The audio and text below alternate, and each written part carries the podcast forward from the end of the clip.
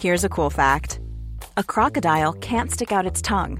Another cool fact you can get short term health insurance for a month or just under a year in some states. United Healthcare short term insurance plans are designed for people who are between jobs, coming off their parents' plan, or turning a side hustle into a full time gig. Underwritten by Golden Rule Insurance Company, they offer flexible, budget friendly coverage with access to a nationwide network of doctors and hospitals. Get more cool facts about United Healthcare short term plans at uh1.com. Since 2013, Bombas has donated over 100 million socks, underwear, and t shirts to those facing homelessness.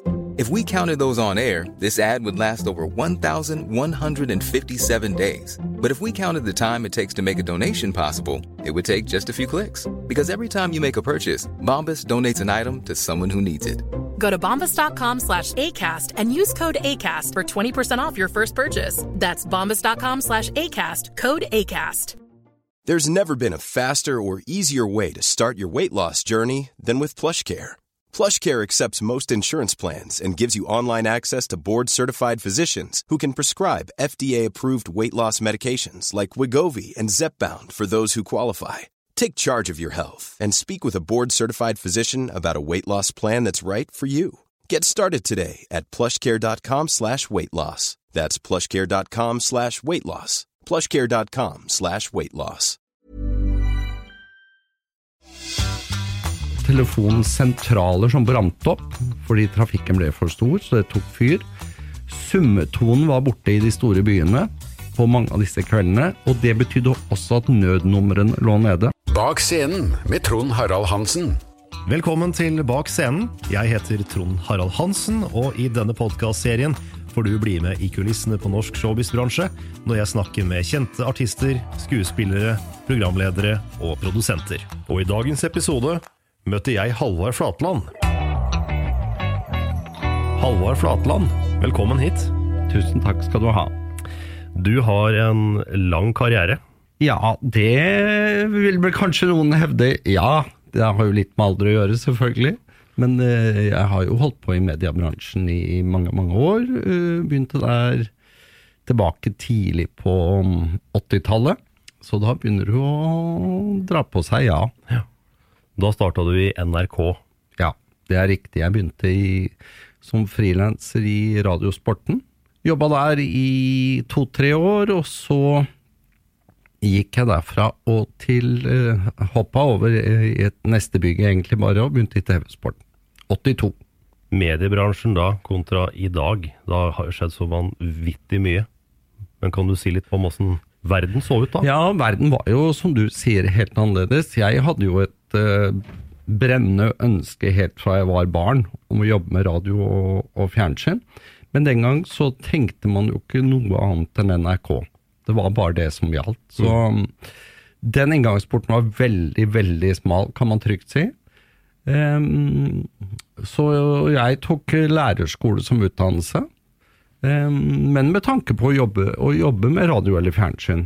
Så det var å prøve å komme seg inn et eller annet sted, og jeg var da heldig å komme meg inn da via radio, og eh, da videre til eh, fjernsyn. Og den gang så, så var det jo ikke noe alternativ. Det var bare der man kunne være hvis man ville jobbe med akkurat det som, som noen av oss da er veldig glad i å jobbe med. Var det vanskelig å komme inn i NRK? Ja, du vet, mye i livet er jo tilfeldig. Uh, og sånn var det også for meg, fordi at etter at jeg var ferdig med lærerskolen, så begynte jeg i et spesialblad for hestesport som heter Trav og Galoppnytt. Uh, og gjennom den jobben så ble jeg reiseleder for det som den gang var verdens beste travkusk, Ulf Thoresen. Når han var på EM og VM, så fikk jeg i oppgave å være med som reiseleder. Og den gang så var det sånn at eh, de som var reiseledere på sånne mesterskap, de leverte også gjerne da rapporter til Radiosporten. Så det ble også jeg da spurt om å gjøre. Etterkant av det så fikk jeg da en forespørsel om jeg kunne tenke meg å begynne som frilanser. Så det, ja.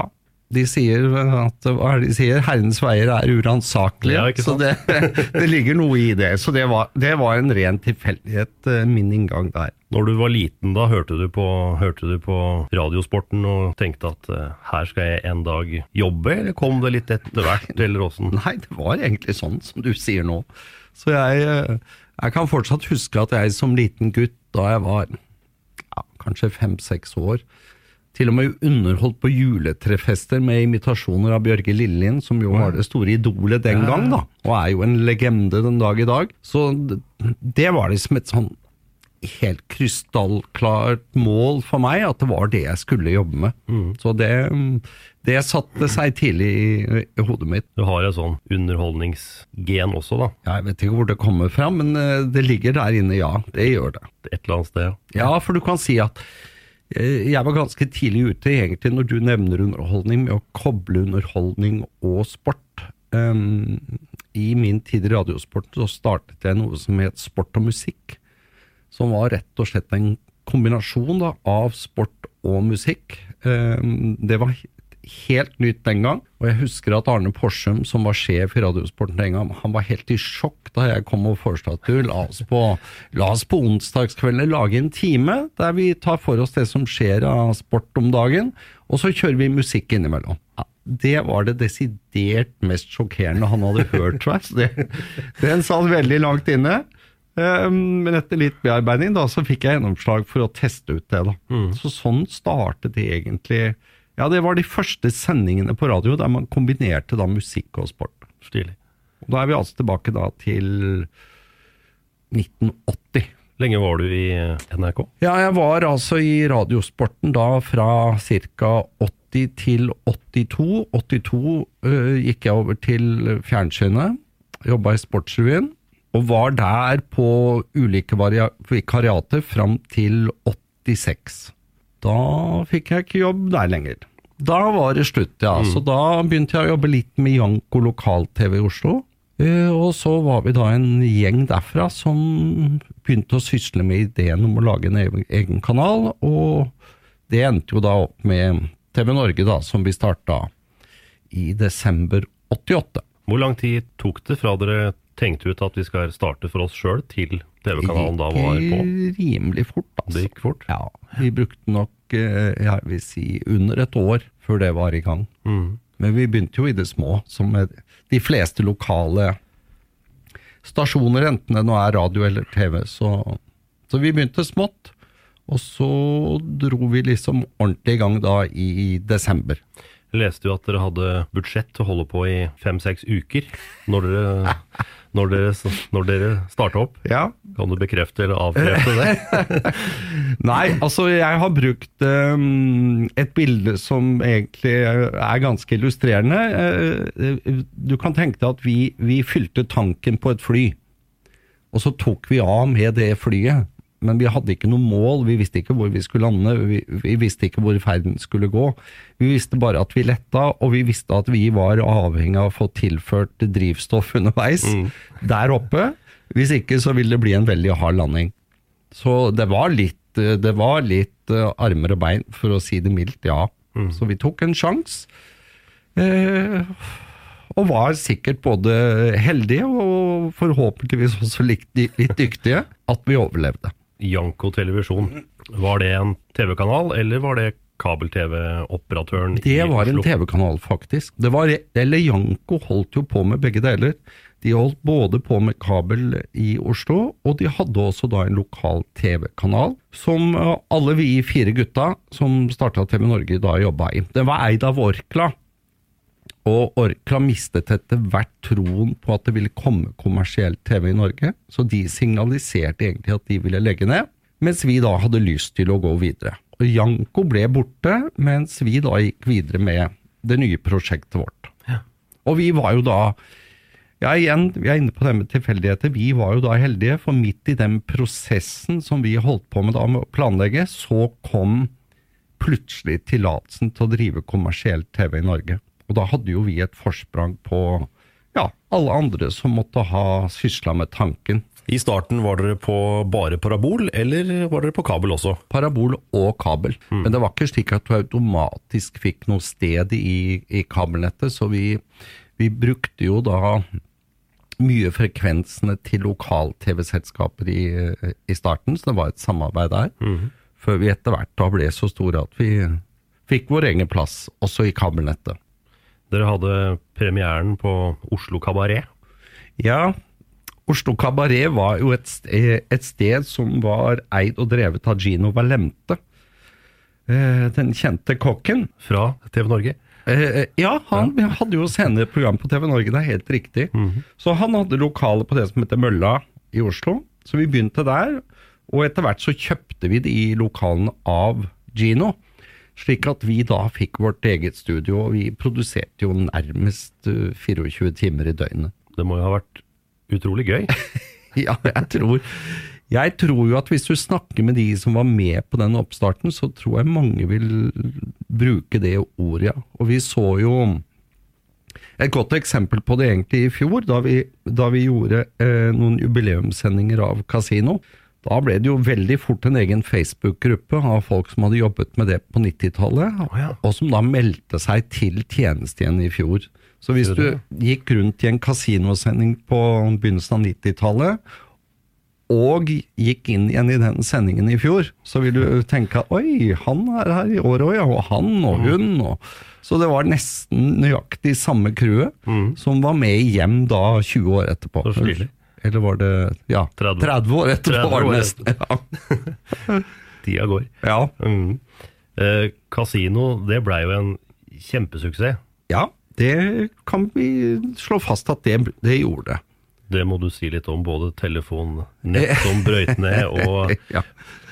ja, altså utgangspunktet for meg var å prøve å lage noe som Utgangspunktet var jo selvfølgelig å skaffe, lage et program som ville skaffe seere til kanalen.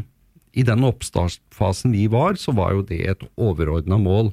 Og så har min filosofi egentlig alltid vært, og det er å stille spørsmålet ikke hva jeg har lyst til å se, men hva har seerne lyst til å se? Hva tror jeg seerne har lyst til å se på?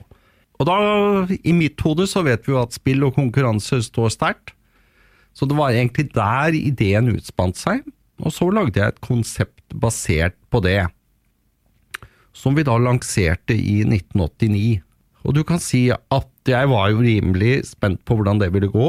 Det var jo noen rebuser som skulle løses, og folk som skulle ringe inn. Så for å være helt sikker, så ga jeg løsningene til noen gode kamerater av meg, og sa at hvis det ikke skjer noe i den sendingen, da må dere ringe inn, slik, slik at jeg har noen å snakke med. Nå ble ikke det nødvendig, da, for dette tok umiddelbart helt av. Og du må huske på at det var et helt annet system for telefoner den gang. Du hadde ikke, altså Mobiltelefonen hadde så vidt begynt å komme. Men den var i praksis ingen som hadde, for den veide 32 kilo, og du måtte bære den rundt. Så, Ja, så det var liksom en helt annen verden. Så det var fasttelefonen som gjaldt. Og telefonnettet i Norge var ikke bygd for den enorme trafikken som kom på hver mandag og hver fredag dette programmet gikk. Og det fikk jo ganske store utslag. Ehm, Det var telefonsentraler som brant opp fordi trafikken ble for stor, så det tok fyr. Summetonen var borte i de store byene på mange av disse kveldene, og det betydde også at nødnumrene lå nede. Som selvfølgelig var en fare. Eh, Så det, det, det dukket opp en del problemer i kjølvannet av dette, som var litt sånn tosidige. På den ene side var det selvfølgelig Det var jo skummelt at nødnummeret var nede. Samtidig var jo dette en enorm PR for programmet Ja visst. jo mer det ble skrevet om de problemene, om hvor folk var opptatt av dette Altså Det sies jo at Nå var, kunne jo ikke jeg se det, da, for jeg sto i studio. men Det ble jo sagt at gatene i de store byene i Norge lå tomme på mandager og fredager. Billetter til uh, å være publikum ble solgt for 1000 kroner på svartebørsen. Altså I dag så må man jo invitere mm, musikkorps og pensjonistlag for å få fylt opp i studioene rundt omkring. Mens vi hadde altså en, ja, en helt vanvittig pågang etter billetter eh, til dette. Så det var en Det var selvfølgelig en fantastisk tid eh, som man aldri kan få oppleve igjen. Sending nummer én, der, eh, der var det ikke publikum. Nei, det er riktig. Det er- Hele første sesongen, altså første halvåret, var uten publikum, oh, ja, faktisk. det? Ja. Det var hele Så det var ikke Nei, vi begynte i et lite studio, ja. Lavt under taket og veldig, veldig varmt, husker jeg. Så jeg tok etter hvert med meg en, eh, et termometer for å måle liksom, hvor varmt er det her. Og da viste det seg at vi lå på over 40 grader da, under sendinger. Ja. Så det var varmt i smoking. Nei, så første sesongen så, så var det uten publikum. Så publikum kom først i sesong nummer to. Mottagelsen på det her, da, etter sending nummer én, det ble jo store skriverier om tause Birgitte, blant annet. Ja, helt uforutsett egentlig. Fordi at Birgitte kom inn i bildet veldig, veldig sent. Det var slik at altså Bare noen dager før vi skulle på lufta, så fant jeg ut at nei, søren, jeg må ha noen til å hjelpe meg. Og så snakket vi om det på jobben, og da var det en av selgerne som sa at ja, men jeg kjenner en jente som kan være perfekt til det. Eh, ja, få henne inn, sier jeg. Og det var da Birgitte. Eh, så hun hoppa inn på kort varsel. Eh, det har vært mye snakk om hvorfor hun ikke snakket. Jeg tror noen har sagt at vi ikke hadde mange nok mikrofoner. Eh, jeg tror bare at det ble så kort tid og så hektisk at vi ble enige om at ja, du behøver egentlig ikke si noe, så vi behøver ikke noe mikrofon. Og så ble jo det veldig fort en, skal vi kalle det en greie, som pressen ble veldig opptatt av. Da skjønte jo jeg at hm, du, du er mer genial enn du vet om. så det var bare en tilfeldighet også, det selvfølgelig. Det var ingen som hadde den baktanken i det hele tatt. Og da skjønte vi jo at kanskje det var et sjakktrekk å la henne forbli taus. Og så, etter hvert som sesongen gikk, så ble det hennes valg. Hun måtte gjøre som hun ville. Vi hadde liksom oppnådd effekten av det, så jeg var iallfall veldig opptatt av at hva er du komfortabel med? Men uh, hun er en smarting, så hun sa bare at nei, jeg skal ikke si noe. Jeg skal ikke prøve å matche deg og være morsom sammen med deg, det, det fikser jeg ikke. Så jeg vil være akkurat sånn som, sånn som jeg har vært. Og det valgte hun jo også i fjor i disse jubileumssendingene. Da kunne hun gjøre som hun ville, men øh, nei. Holdt på det som var et sikkert valg. Ja. Men hvordan er det å få med seg annonsører og sponsorer da, til det her? Ja, TV-kanalen forholdsvis nyoppstarta. For TV-kanalen var jo dette gull, selvfølgelig. For da gikk vi fra å jeg holdt på å si, stå med lua i handa og spørre om noen ville kjøpe reklame eller være med å sponse, til det helt motsatte. At det var leverandørene, annonsørene, som nærmest sto med lua i handa og ba om å få være med. Så det var kanskje, eller sikkert den viktigste effekten av dette her, at det snudde egentlig helt om på hele systemet, da. Og det var jo ingen som hadde delt ut så store premier Nei, det var jo som, selvfølgelig som det dere holdt på med. Nei, det var jo også selvfølgelig en viktig del av det. Altså Tidligere hadde folk sett på Kvitter og dobbelt på NRK, som sikkert var før du ble født. Det var Og, og hvis du der var ekstremt god i et eller annet tema, om greske guder eller hva det måtte være, så kunne du vinne 10 000. Og det er klart at når du da går fra det nivået til at egentlig alle, da, eh, i hele landet kunne liksom gå hjem fra jobb hver mandag eller fredag og vite at ja, hvis jeg er både flink og har tilstrekkelig flaks i kveld, så kan jeg altså vinne et hus. Og det er klart, det er en life changer hvis du plutselig vinner et hus. Mm, ja visst. Eh, ja. Så det, det er klart at de enorme premiene var også en medvirkende årsak til den Hiring for your small business? If you're not looking for professionals on LinkedIn, you're looking in the wrong place. That's like looking for your car keys in a fish tank. LinkedIn helps you hire professionals you can't find anywhere else, even those who aren't actively searching for a new job but might be open to the perfect role. In a given month, over 70% of LinkedIn users don't even visit other leading job sites. So start looking in the right place. With LinkedIn, you can hire professionals like a professional. Post your free job on linkedin.com slash spoken today. Since 2013, Bombas has donated over 100 million socks, underwear, and t shirts to those facing homelessness. If we counted those on air, this ad would last over 1,157 days. But if we counted the time it takes to make a donation possible, it would take just a few clicks. Because every time you make a purchase, Bombas donates an item to someone who needs it. Go to bombas.com slash ACAST and use code ACAST for 20% off your first purchase. That's bombas.com slash ACAST, code ACAST. Populariteten. Det er helt klart. Hva sa Televerket da til eh, det her? Fikk dere beskjed om å stoppe opp, eller? Ja, vi måtte gjøre noen justeringer underveis, fordi at eh, de trengte tid på å få jobbe med systemene sine. Så etter hvert gikk vi over til at det var kun som hadde telefonnummer som endte på oddetall eller partall, altså sånne varianter som hadde lov å være med. Oh, ja. Ja, vi måtte litt ned på finne opp noen kreative måter å gjøre det på, slik at eh, systemene skulle holde. Jeg husker ikke årstallet, men dere ble forsøkt eh, stoppa av myndighetene. Ja da. Statens medietilsyn og kulturministeren stoppa dere. Ja, flere ganger prøvde de på det. Eh, så vi måtte jo ta det helt til eh, Altså til rettssystemet. Eh, men ingen av de forsøkene var det hold i. Så ikke på noe tidspunkt måtte vi stoppe opp. Så det var jo en liten triumf, da. At vi, eh, vi følte at vi var på, på trygg grunn. Men det er klart at vi skal huske på at det var et um, det var nok et regelverk i Norge òg som ikke var bygget for det vi startet opp. Så også det måtte bli til mens vi holdt på. Men eh, noe stopp, det ble det ikke. Hva er det myndighetene var så interessert i da, eller hva var det de reagerte på? Det, altså Nå begynner det å bli lenge siden, men det gikk jo på premiepresentasjonene og premiene i programmet. Vi hadde jo blant annet, jeg husker vi hadde Rema 1000 på kortene vi snudde. Shell var med der. Så det er klart det var en, det var en viss synlighet av av reklamen. Så det var, nok, det var nok mer i jakten på å finne et regelverk som fungerte, som gjorde at det ble vanskelig for, for myndighetene, ja. Hvor lenge var du i TV Norge? Ja, altså kasino eh, kjørte jeg i, fra 89 til høsten 93.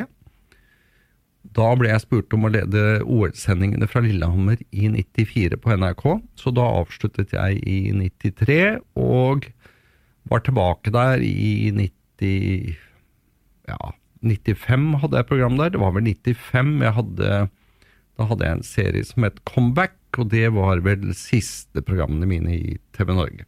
Da var det nye eiere, eh, nye syn på saker og ting, så jeg syns egentlig det var Altså, det var helt udramatisk, men eh, men også naturlig da å forlate den skuta, som hadde vært et eventyr, og nye koster kommer til, og da var det på tide å, å gå videre for meg. Mm. Hva slags profil hadde TV Norge akkurat da? Da vi forlot skuta, så var jo det Det var ikke en allmennkringkaster, men det var jo nyheter, det var sport, det var underholdning. Eh, Egentlig ganske bredt. eh, Litt imot min mening, faktisk. Eh, Jeg var ikke stemt for at vi skulle ha nyheter. Men eh, så lenge resten av eh, eierne var for det, så, så ble det sånn. Det er jo veldig få som kan konkurrere mot NRK da, på nyheter. det blir for stort og for dyrt, rett og slett. Og da blir du en um, Mikke Mus, og hvem skal se på Mikke Mus-nyhetene på TV Norge, så lenge du liksom har det fullt ut på NRK den gang, da. Og senere også da TV 2, ikke sant. Så da, da syns jeg at da er det viktigere å satse på det man kan være god på, og det man kan konkurrere på. Og så får de andre holde på med, med nyheter.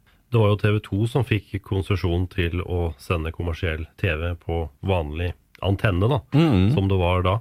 Hvordan uh, merka dere konkurransen i forhold til det? Ja, det er klart, vi merket jo det. Um, vi syntes jo først og fremst det var veldig underlig at den konsesjonen ble gitt til det som nå er TV 2.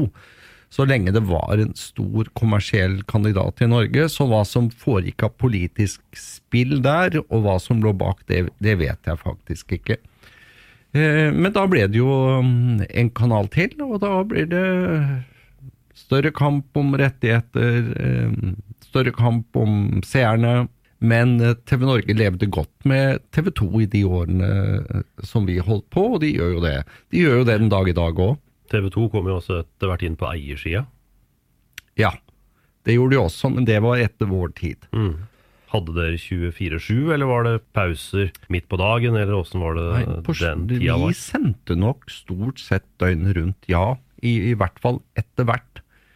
Eh, Det som var gunstig for vårt vedkommende, det var når det gjaldt innkjøp av programmer. Fordi at i starten så var det slik at eh, de som hadde da noe å tilby, av filmer, serier, naturprogrammer, altså alt av innkjøpt. De hadde i mange, mange år kun måttet forholde seg til NRK, og NRK kunne på en måte da også diktere priser. Så da vi kom på banen, så ble vi altså så til de grader ønsket hjertelig velkommen av eh, rettighetshavere rundt om i verden. Slik at vi de første årene hadde ekstremt gunstige avtaler på alt av eh, innkjøpsstoff. Det var den store, store fordelen eh, for oss. Det er vanskelig også å forestille seg den tida her kontra 2020, da. Hvor vi har alt. Alt er så tilgjengelig. Og Det er derfor jeg sier også at dette er noe man aldri får igjen. Fordi at situasjonen kan ikke oppstå igjen. Så det er klart det er helt annerledes både mm, på radio- og TV-siden, egentlig. det, Og tidene er jo i en enorm utvikling. Den gang hadde vi jo bare lineær-TV, ikke sant. Nå er det streaming på TV, og radio er også helt annerledes. Du har fått mye annet. Du har fått podkaster, blant annet, ikke sant. Så det skjer noe nytt uh, hele tida. Du var tilbake igjen i NRK en stund på slutten av 90-tallet. Ditt livs sjanse. Hva du vet? Ja, det er helt korrekt. Da lagde jeg en serie der uh, som heter Tiv Sjansian. Det var også et gameshow. Slette gjeld var uh... Ja, er ikke det fint, da? Jo, det er jo helt gull. Ja da. Så jeg, jeg har jo for så vidt vært innom overalt. Jeg har vært i NRK og vært i TV 2, TV3-systemet, TV Norge-systemet også etterpå. Så det, det er jo på en måte Altså, det er jo det jeg liker å drive med. Altså, noen syns de eh, er flinke til å være snekker, ikke sant? og bli snekkere. Jeg har jo egentlig hele tiden følt at dette er, dette er mitt yrke. Det er det jeg er best på. Så ubeskjeden er jeg da. Jeg føler at det er dette jeg kan. Og så er jeg ekstremt dårlig på mye annet. Det må jo være utrolig artig å kunne gi bort så veldig mye, da. I kasino så var det jo bil, hus. Du var jo tilbake igjen med kasino på TV3 også en liten stund. Ja visst. Nei, det er jo et gammelt eh, Jeg vet ikke om jeg skal kalle det ordtak, jeg, som heter at den største glede du kan ha, er å gjøre andre glad. Og det er noe i det, faktisk. Fordi at å se hvor enormt mye det betyr for folk når de vinner store premier, da. Ja, det behøver ikke være store heller, for den saks skyld. eh, Så blir du egentlig glad å se hvor lykkelige folk blir. Jeg syns i hvert fall det har vært eh, en ekstremt takknemlig oppgave over så mange år å kunne dele ut i øst og vest til folk som, som både du føler at trenger det, og som setter enormt stor pris på det. Mange hus uh, har du delt ut. Ja, Det er mange som har spurt meg, altså, men for å være helt ærlig så husker jeg ikke. Men det er, det er jo mange, men jeg husker ikke, ikke antallet. Men jeg detter jo stadig borti folk som enten er på gata eller hvor som helst, som stopper opp og forteller at uh, de kjenner noen som vant ditt eller datt, og, eller de har vunnet sjøl, eller de har vært i studio, eller uh, Ja. Så det er mye sant, så det henger, det henger utrolig i, for å være ærlig. Dere sendte jo alt live. Skjedde det utfordringer? Skjedde det ting som uh, Ja. Alt kan jo skje. Ja, altså først må jeg bare si at for meg så er TV live. Jeg er altså så lite glad i å gjøre ting i opptak. For da kan du være helt sikker på at det er noe galt med lyset, eller lyden, eller det skjer et eller annet, så det er å starte på den igjen. Det er helt merkelig, men når ting går på direkte, så skjer det jo aldri noe. Fordi at da er du bare nødt til å kjøre. Så jeg, ja, nei, jeg, jeg er veldig opptatt av eh, direkte TV, veldig glad i det. Nettopp fordi at det kan skje så mye, og det gjorde selvfølgelig i kasinotiden. Det gjorde det ikke minst under OL på Lillehammer. Vi hadde en eh, samling i går kveld, faktisk, noen av oss som, som var på Lillehammer, og da ble det jo mimra litt, da. Og mm, der måtte vi liksom hele tiden stokke om på rekkefølgen underveis.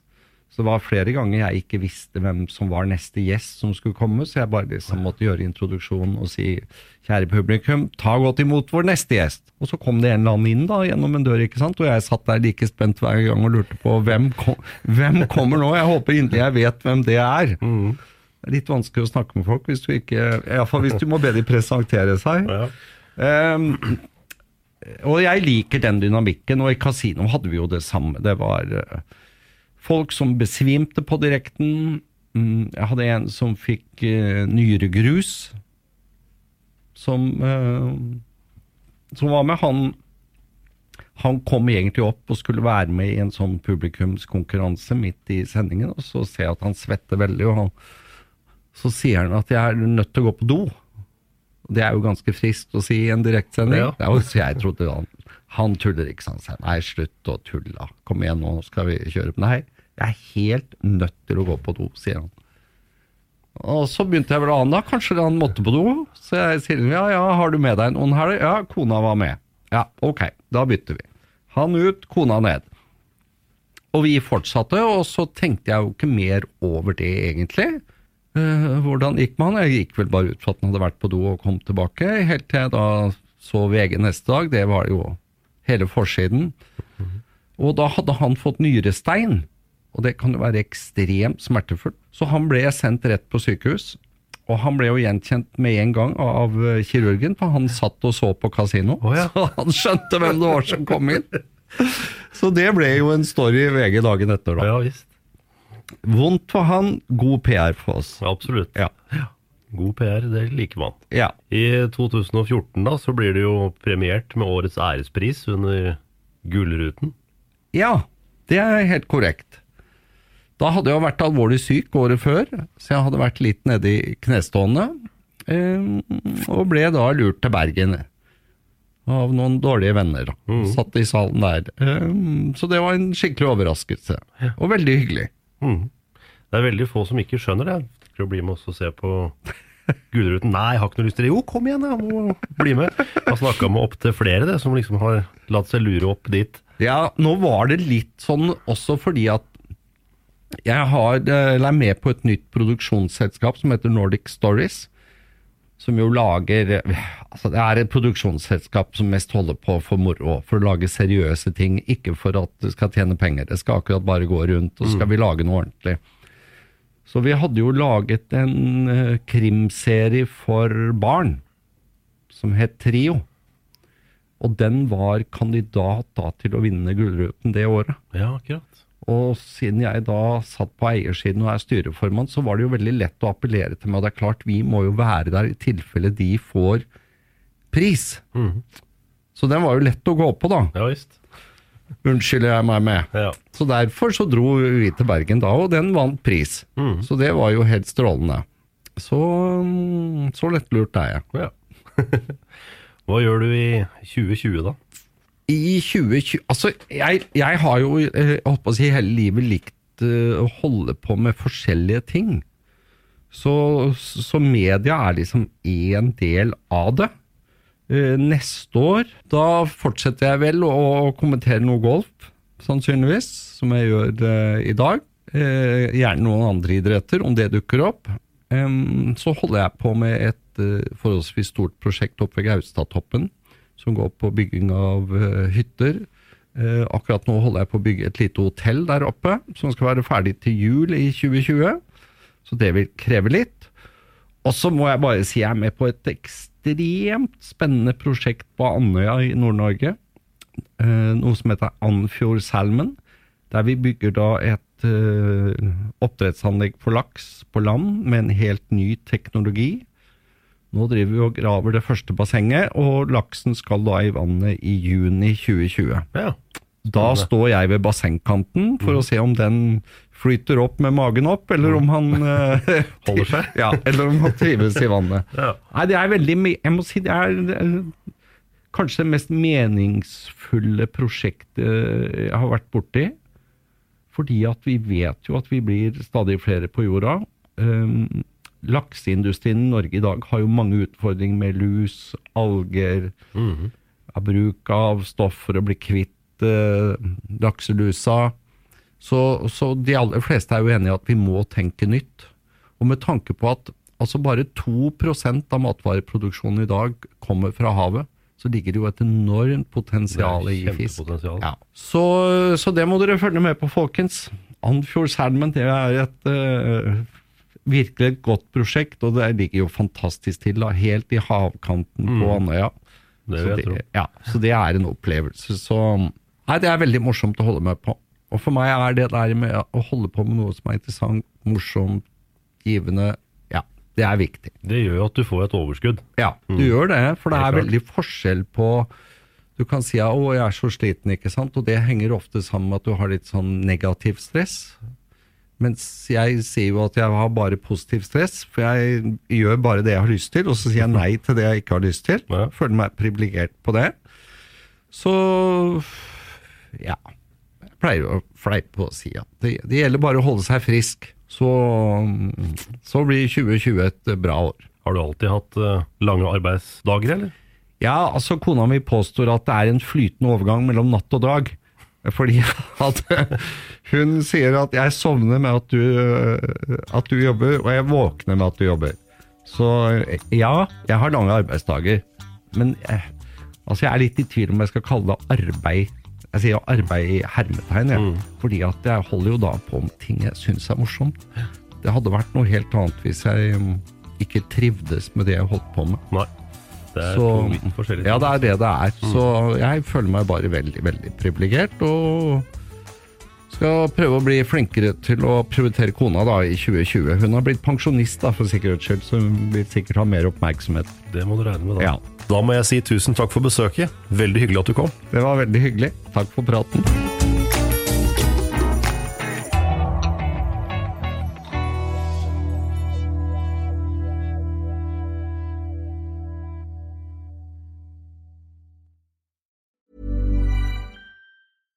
Hello, this is Danny Pellegrino, host of the Everything Iconic podcast, and I'm here to tell you all about Splash Refresher because hydration is mandatory, but boring is not. Now, I love my water, but if I don't spice it up, I'm not going to finish what I took out of the fridge. That's why I love my Splash Refresher, which is flavorful, delicious, bright, hydrating, and zero calories. The wild berry flavor is my fave. No, wait. Is the pineapple mango flavor my fave? You know what? All five craveable splash refresher flavors are my fave because they're so delicious. So get hydrated and enjoy it with Splash Refresher. ACAST powers the world's best podcasts. Here's a show that we recommend. The Real Housewives is a guilty pleasure for most, but if you're looking to not feel guilty about that pleasure, tune in to Everything Iconic with me, Danny Pellegrino, where I break down all the messy moments and behind the scenes antics of Bravo's popular franchise. And on Everything Iconic, I also interview celebrity guests like Kelly Ripa, Kiki Palmer, Drew Barrymore, Cameron Diaz, and more about their guilty pleasures, their past work, and so much more. So if you're pop culture obsessed and find yourself watching way too much reality TV like me, tune in to Everything Iconic with Danny Pellegrino wherever you listen to podcasts. ACAST helps creators launch, grow, and monetize their podcasts everywhere. ACAST.com.